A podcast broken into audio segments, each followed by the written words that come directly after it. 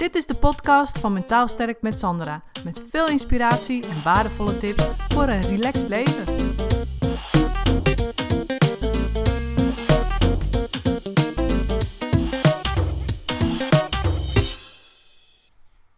Hey, Sandra hier weer. En met een nieuwe aflevering. En dit keer gaat het over relaties.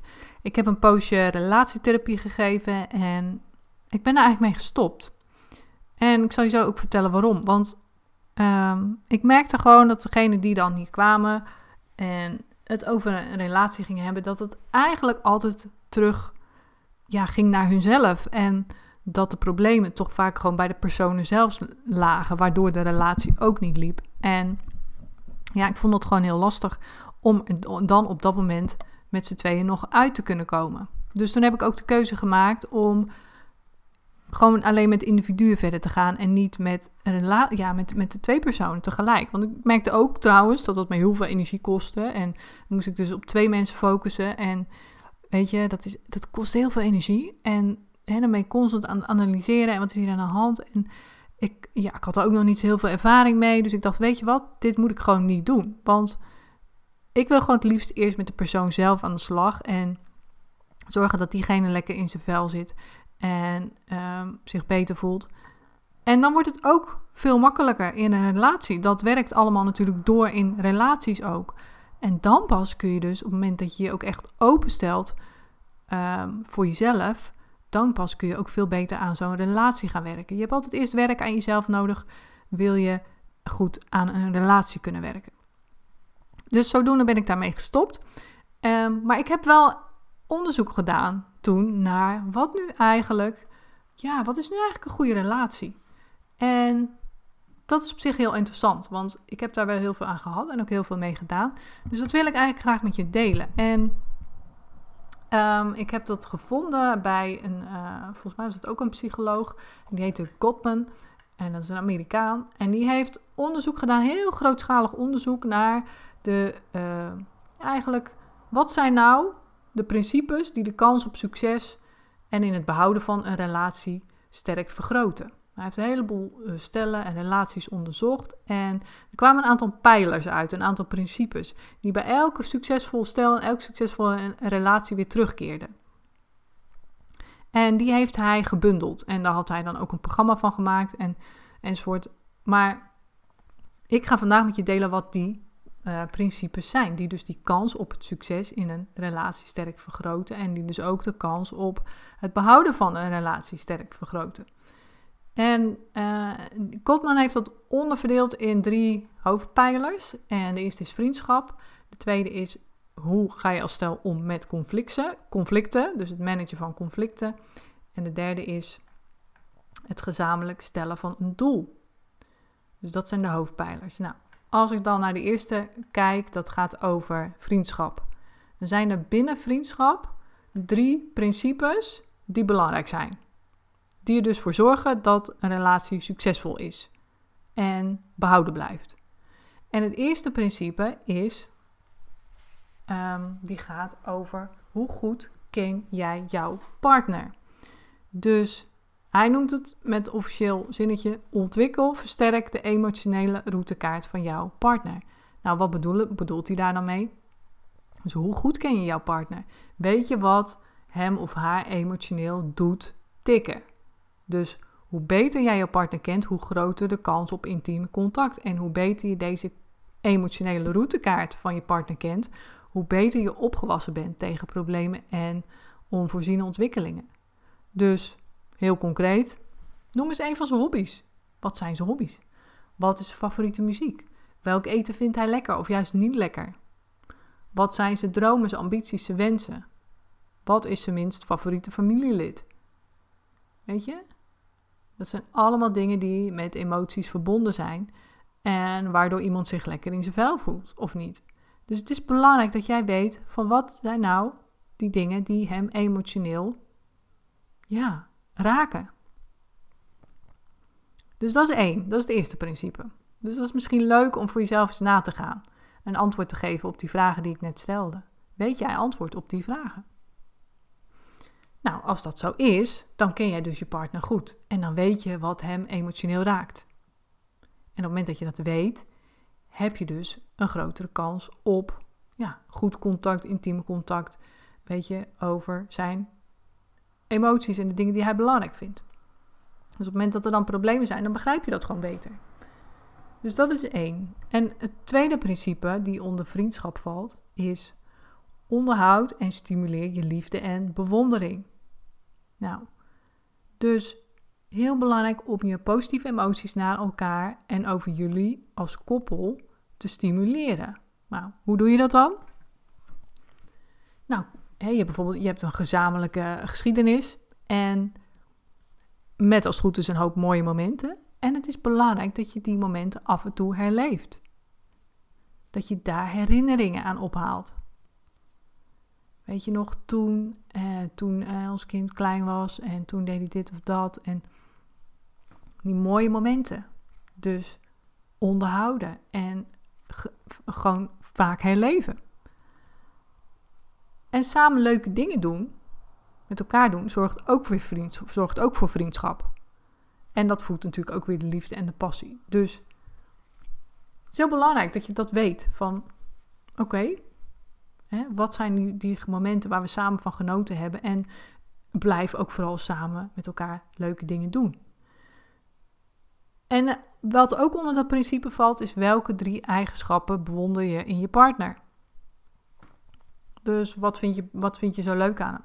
Bijvoorbeeld dat hij betrokken is, actief, sterk, intelligent, dapper, creatief. Misschien is hij wel elegant of attent, avontuurlijk, zorgzaam. Noem maar op. Wat vind je, wat bewonder jij aan eigenschappen in je partner? En dat is ook belangrijk om daarbij stil te staan. Als je daar alleen al over nadenkt, denk je, oh ja, weet je, dat vind ik zo leuk aan diegene. Dus herhaal het voor jezelf ook regelmatig. En het derde principe wat onder vriendschap valt is keer niet af van elkaar, maar keer je juist naar elkaar toe. Dus blijf in verbinding met elkaar. En dat doe je op belangrijke momenten, maar ook vooral op kleine momenten. Want door die kleine momenten te waarderen, bouw je een gezamenlijke kracht op, waardoor je samen beter in staat bent om met lastige situaties om te gaan. Dus alles valt of staat ook hoe je reageert op kleine momenten. Dat je partner je humor, affectie, aandacht of support geeft. Weet je, hoe reageer je dan op die momenten? Reageer je positief op of keer je je af? Dus als je er, je er naartoe keert, als je daar positief op reageert, dan leg je elke keer een basis voor goede dingen. Zoals romantiek, passie. dus dat is heel belangrijk. Keer niet van elkaar af, maar juist naar elkaar toe. En dat kun je ook nog eens extra doen door uh, zijn emotionele bankrekening te vullen. Dus wat doe jij om zijn emotionele bankrekening te vullen? Dus hoe geef jij affectie? Hoe toon je je waardering? Doe je dat door een aanraking, door een lief woordje, een cadeautje? Weet je? Wat vult zijn emotionele bankrekening? Dus dat is het derde principe. En dan komen bij het volgende punt. En dat is uh, wat heel belangrijk natuurlijk is in relaties, is het managen van conflicten. En onder dat managen van conflicten zitten ook weer uh, drie principes. Die heel belangrijk zijn voor het behouden van een succesvolle relatie of juist het versterken daarvan. Dus het vierde principe is laat je beïnvloeden door de ander. En wat bedoelen we daarmee? Niet op een negatieve manier natuurlijk. Kijk, je bent niet alleen in de relatie. Dus luister naar die ander en zie de positieve kanten van de ideeën van de ander. En volg ze ook eens op. Weet je? Laat je verrassen. Want als je je laat beïnvloeden door de ander ideeën en die af en toe ook eens opvolgt, dan versterkt dat dus vriendschap, uh, het brengt respect over en uh, je komt al makkelijker tot een compromis in geval van een conflict. Of als je bijvoorbeeld niet zo spontaan bent en je partner wel, laat het dan toe dat zijn of haar spontane dingen je beïnvloeden. Ga er eens in mee. Bijvoorbeeld, hè? Dat kan iets zijn waardoor je daarmee aan de slag bent met dat stukje laat je beïnvloeden door een ander. En dan het volgende principe is los de oplosbare problemen op. want vaak zit je in zo'n automatische piloot van probleem- en conflictbenadering. Van misschien zo wel eens niet een spelletje. Jij altijd dit, jij altijd dat. Iedereen zet elke keer dezelfde plaat op. En iedereen zegt elke keer dezelfde dingen. En dan kom je gewoon niet uit. Dus doe het ook eens anders en geef die oude koeien uitsloot rust. Dus stap uit die automatische piloot. En nou ja, als je normaal op een agressieve of geïrriteerde manier problemen oplost, begin dan eens met het oplossen van een probleem op een rustige manier. Of doe eens een poging om de situatie te repareren door bijvoorbeeld een grapje te maken, sorry te zeggen of te erkennen wat je fout hebt gedaan op een manier die bij jou past, natuurlijk. En waarom zijn reparatiepogingen belangrijk? Nou, reparatiepogingen helpen om het conflict niet te laten escaleren. Die zijn niet om het. Dus hè, normaal vermijd je misschien het conflict, loop je boos weg. En reparatiepogingen, dus een grapje maken, sorry zeggen, erkennen dat jij ook een fout hebt gemaakt, helpen om het conflict niet te laten escaleren. Dus herken reparatiepogingen en bied zelf ook zo'n reparatiepoging aan. En accepteer je partners reparatiepoging als hij dat uh, wil doen. Als hij zijn grapje maakt of sorry zegt. Weet je, accepteer dat dan eens. En ga er niet in door. Ja, maar ja, dan zit je er een beetje een lolletje van te maken. Weet je wel. Ja, nee, maar hè, we hebben nog steeds dit en dat probleem. Nee, accepteer dan ook die, die reparatiepoging. Dus dat is belangrijk. Als je oplosbare problemen hebt, los ze dan ook op. En uh, het is ook belangrijk dat je weet hoe je partner met stress omgaat. Dus dat je daarvan je bewust bent. En het is belangrijk om, op, uh, om samen, dus op een goede manier met die moeilijke omstandigheden om te gaan. En dat kun je eigenlijk alleen maar bereiken door te weten of op te merken hoe je partner met moeilijke situaties omgaat. Door daar oog voor te hebben. Dus op het moment dat er moeilijke situatie is en je partner is geneigd om uh, ja, je kop in het zand te steken of daarvan uh, te vluchten of weg te lopen, daar juist niet over te praten, zich terug te trekken. Weet dan dat hij op die manier met die moeilijke situaties omgaat.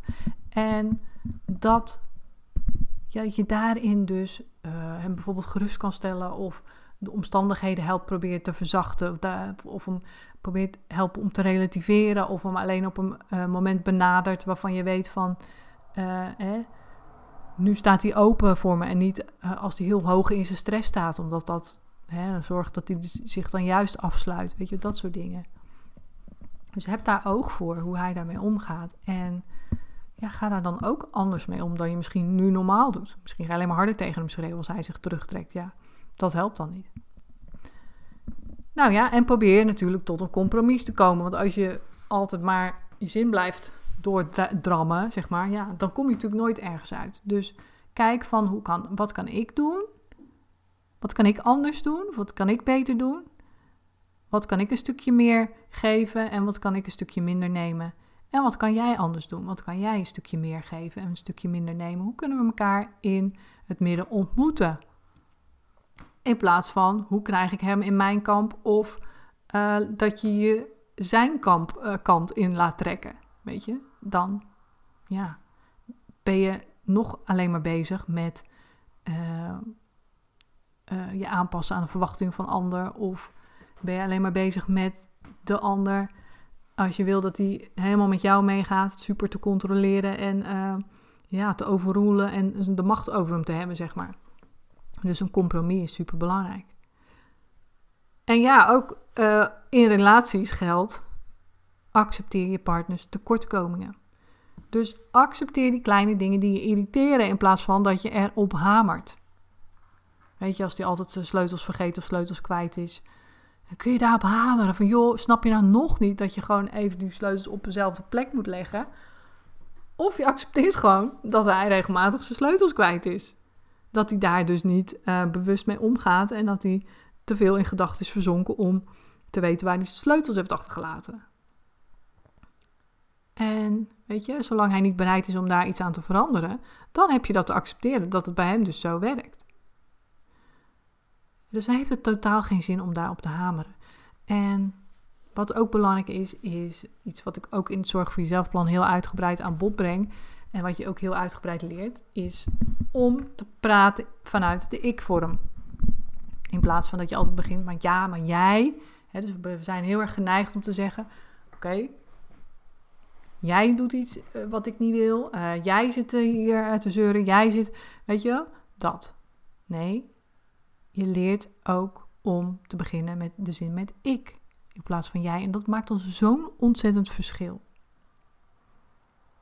Dus dat is heel belangrijk. En wat ik zei, in het Zorg voor Jezelf plan zit een bonus. Duidelijk spreken voor jezelf. En die, uh, ja, die legt dat helemaal uit. Dat is een heel mooi stappenplan. Waardoor je vanuit ik-vorm leert praten. En wat ook natuurlijk belangrijk is, is dat je ervoor zorgt dat, je dat dingen niet opstapelen. Want hiermee bouw je dus alleen maar meer negatieve gedachten en emoties op. dus dat is heel belangrijk. Dus je kunt bijvoorbeeld zeggen, nou, als er dit of dat gebeurt, dan voel ik me verdrietig of gespannen. En ik zou het daarom fijn vinden hè, dat je even zit en luistert of begrip toont of wat dan ook. Dus die verandering, gedrag of houding die je van de ander wil. Maar dat wil niet zeggen dat we die persoon compleet kunnen veranderen. We kunnen alleen maar een andere reactie vragen. We kunnen niet zijn hele gedrag gaan veranderen of de hele persoonlijkheid of als eigenschappen. Nee, het gaat om de reactie op dat moment. Dus dat is altijd belangrijk hè, om dat uit elkaar te houden. Heel veel mensen denken dan van ja, dan uh, ga ik, uh, ben ik bezig met de ander te veranderen. Nee, dat, dat kan natuurlijk niet. Iemand gaat alleen maar veranderen omdat hij dat zelf wil. Je bent bezig met actie-reactie. Jij geeft een andere actie uit. Je legt het uh, op een andere manier uit. Dat is je andere reactie. Normaal ben je bezig met uh, boos of geïrriteerd te reageren. En je roept al snel jij. Jij doet dit of jij doet dat. Maar nu doe je iets anders. Je praat vanuit de ik-vorm. En je benoemt wat je voelt en wat je wil. Dus dat is al een andere, een andere actie. En doordat jij een andere actie uitzet, kun je een andere reactie verwachten. Dus dan beschuldig je de ander niet, maar dan laat je gewoon jouw perspectief zien. Je laat de ander weten hoe je je voelt. Snap je? Je kunt nou eenmaal niet de ander zijn of, of uh, je kunt niet zijn of haar emoties controleren. Je bent ook niet verantwoordelijk voor het gevoel van een ander. Het enige wat je kan doen is jouw perspectief laten zien en de ander laten weten hoe jij je voelt. En dat geeft vaak al een hele andere reactie. Nou, dan is er nog een principe wat valt onder het managen van conflicten. En dat is voorkom dat je vastloopt. En hoe doe je dat dan? Door de wensen en de dromen van de ander te respecteren. En ook wel gewoon om elkaar te helpen om dromen te realiseren. Dus luister naar elkaar en doe wat je kunt doen voor elkaar. En wat zijn nu eigenlijk tekenen van vastlopen. Dan ben je natuurlijk al te ver, maar wat zijn de tekenen van? Nou, je voelt je bijvoorbeeld afgewezen. Je blijft praten zonder dat er vooruitgang eh, in zit.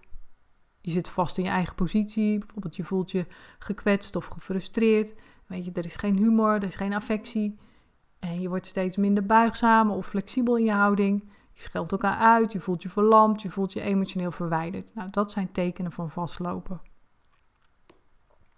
En de oorzaak hiervan is dat de dromen van de ander niet gerespecteerd worden. Dus gelukkige stellen empoweren elkaars dromen. Die empoweren elkaar daarin, die versterken elkaar daarin. Dus het staan achter deze dromen, het geven van, de, van steun aan je partner in het uit laten komen van deze droom, is gewoon heel belangrijk. Ja, en hoe kun je nu weten wat je partner zijn droom is? Ja, dat is vaak ook weer de onderliggende wens, behoefte die het conflict voedt. Dus als, uh, ja, als je ruzie hebt over dat je over geld bijvoorbeeld, en geld is belangrijk, en uh, wat zit er dan onder? Is hij zo hard aan het werken veel geld te verdienen om, uh, ja, wat, wat, wat is de onderliggende wens? Misschien wil hij wel gewoon rust, vrijheid, ontspannen, ontspannen kunnen zijn de financiële situatie op orde hebben, zodat hij daarna kan ontspannen. Misschien is dat wel de onderliggende wens, gewoon meer ontspanning. En de, respecteer dan ook deze droom. Laat weten dat je het begrijpt en bied steun of deel die droom. Dat is nog het allermooiste als je dat kan doen. En dan vervolgens stel je partner weer gerust op een manier die bij hem of haar past in het omgaan met problemen. Dus als hij uh, aan vijf minuten praten genoeg heeft, ga dan geen twintig minuten praten. Snap je? Dat soort dingen. Of als hij zich terugtrekt, ja, wacht dan tot hij zelf naar je toe komt in plaats van dat je hem gaat belagen, zeg maar. Weet je wel? Dus helpen of stel hem gerust op een manier die bij hem past in het omgaan met problemen. En maak een einde ook aan het vastlopen door het gebruik van die ik-vorm in de communicatie. En wat ook heel belangrijk is, is dat je de verschillen tussen jou en je partner accepteert. Ja. Dus, eh, en zeg ook eens een keer dankjewel, weet je wel. Benoem ook, je kunt ook eventueel, als je in een conflict zit met je partner, kun je zeggen, uh, kun je drie dingen benoemen die je waardeert in je partner tijdens de ruzie. Bijvoorbeeld, oké, bedankt dat je me dit hebt laten weten, nu kan ik eraan werken. Of bedankt dat ik, dat ik nu weet hoe jij het zo ziet. Dan kan ik er rekening mee houden. Weet je, dat soort dingen. En dan het laatste, de laatste pijler, zeg maar, wat ik al zei, van die drie pijlers, is het, het, stellen van een gezamenlijk doel is heel belangrijk. En daarin valt het, uh, daaronder valt het zevende principe, namelijk het opbouwen van een gezamenlijk doel in je leven. Dus wat is voor jullie belangrijk in je eigen leven en hoe kun je dit tot een gezamenlijk doel maken? Dus uh, nou, je kunt vier dingen doen. Je kunt kijken naar rituelen. Dus wat vind je belangrijk in rituelen? Wat is het doel van het avondeten? Hoe eten we samen? Wat vinden we daarin belangrijk? Of welke betekenis heeft het weekend of de vakantie voor ons? Het weekend is echt voor rust, voor het gezin, om samen dingen te doen. Of het avondeten is om de dag door te spreken. Wat zijn de rituelen? Wat vind je belangrijk? Maar ook dat je samen kijkt naar rollen. Dus wat vind je, als, wat vind je van je rol als echtgenoot? Wat betekent die rol voor je in het leven? Hoe zagen je vader en moeder deze rol? En in hoeverre is die rol hetzelfde of verschillend? Of hoe zou, misschien zou, wil je die rol wel veranderen? Weet je wel? Dus dat is ook belangrijk. Hoe zie je jezelf? In welke rol zie je jezelf? En doelen. Ja, natuurlijk doelen. Welke doelen heb je voor jezelf, je partner en je kinderen? Wat wil je bereikt hebben in de volgende vijf of tien jaar? Misschien zeg je wel van nou, ik wil bereikt hebben dat we ons huis een stuk hebben afgelost. Of ik wil bereikt hebben dat we uh, over, over vijf jaar uh, met z'n allen een, een, grote reis door Amerika kunnen maken. Of ik wil over tien jaar bereikt hebben dat we dan, uh, ja, nou noem het maar op. Wat wil je? Weet je, maak daar een tijdlijn van en ga daar samen over sparren. Waar wil je samen naartoe? En ja, misschien heb je ook nog wel iets wat, wat dieper gaat. Bijvoorbeeld dat je kunt kijken naar symbolen. Bijvoorbeeld familieverhalen kunnen symbolen staan voor bepaalde waarden en normen. Wat zijn familieverhalen waar je trots op bent? Welke tradities zou je voort willen zetten? Weet je? Wat betekent een thuis voor je? Dus dat betekent dat een veilige haven voor je kinderen. Bijvoorbeeld, hè? welke kwaliteiten moet een thuis hebben? Nou, dat. Dus dat kun je ook nog doen. Daar op die manier naar kijken. En ja, dan denk je zo, dat is veel. Nou ja, het valt eigenlijk best wel mee. Het is alleen belangrijk om uh, je er bewust van te zijn en er ook echt iets mee te gaan doen. Want op, alleen op die manier behoud je dus een relatie en uh, vergroot je dus de kans op succes in het behouden van die relatie. Dus ik hoop dat je hier wat mee kan. En ben benieuwd of je hier een nieuwe inzicht hebt opgedaan. En van je denkt van, oh ja, dat, dat, daar was ik nog helemaal niet op die manier mee bezig. Maar dat ga ik nu zeker doen. Laat het me dan weten. Welk stukje jij, welk stukjes je al kende, of misschien welk stukjes nog niet. En waar je iets mee gaat doen of niet. Daar ben ik heel benieuwd naar. En uh, een reactie is natuurlijk altijd sowieso welkom. Dus laat het me even weten. En dan wens ik je heel veel succes met en in je relatie. Bedankt voor het luisteren. Het is mijn intentie om met deze podcast waardevolle inzichten te delen die je kunt gebruiken voor je eigen leven en die je helpen groeien in je persoonlijke ontwikkeling. Wil je voortaan alle verhalen bij elkaar hebben staan? Abonneer je dan even op Mentaal Sterk met Sandra op iTunes of Stitcher. En ben je enthousiast over mijn verhaal? Dan zou ik het superleuk vinden als je een review achterlaat. Dat kun je doen in iTunes of Stitcher en geef je bij beoordelingen en recensies een korte review. En ben je echt enthousiast? Geef dan 5 sterren. Dat zorgt ervoor dat ik hoger in de ranking kom te staan en nog meer vrouwen kan inspireren tot een relaxter leven. Mijn dank is groot als je dat even voor. Tot de volgende keer bij een nieuwe uitzending.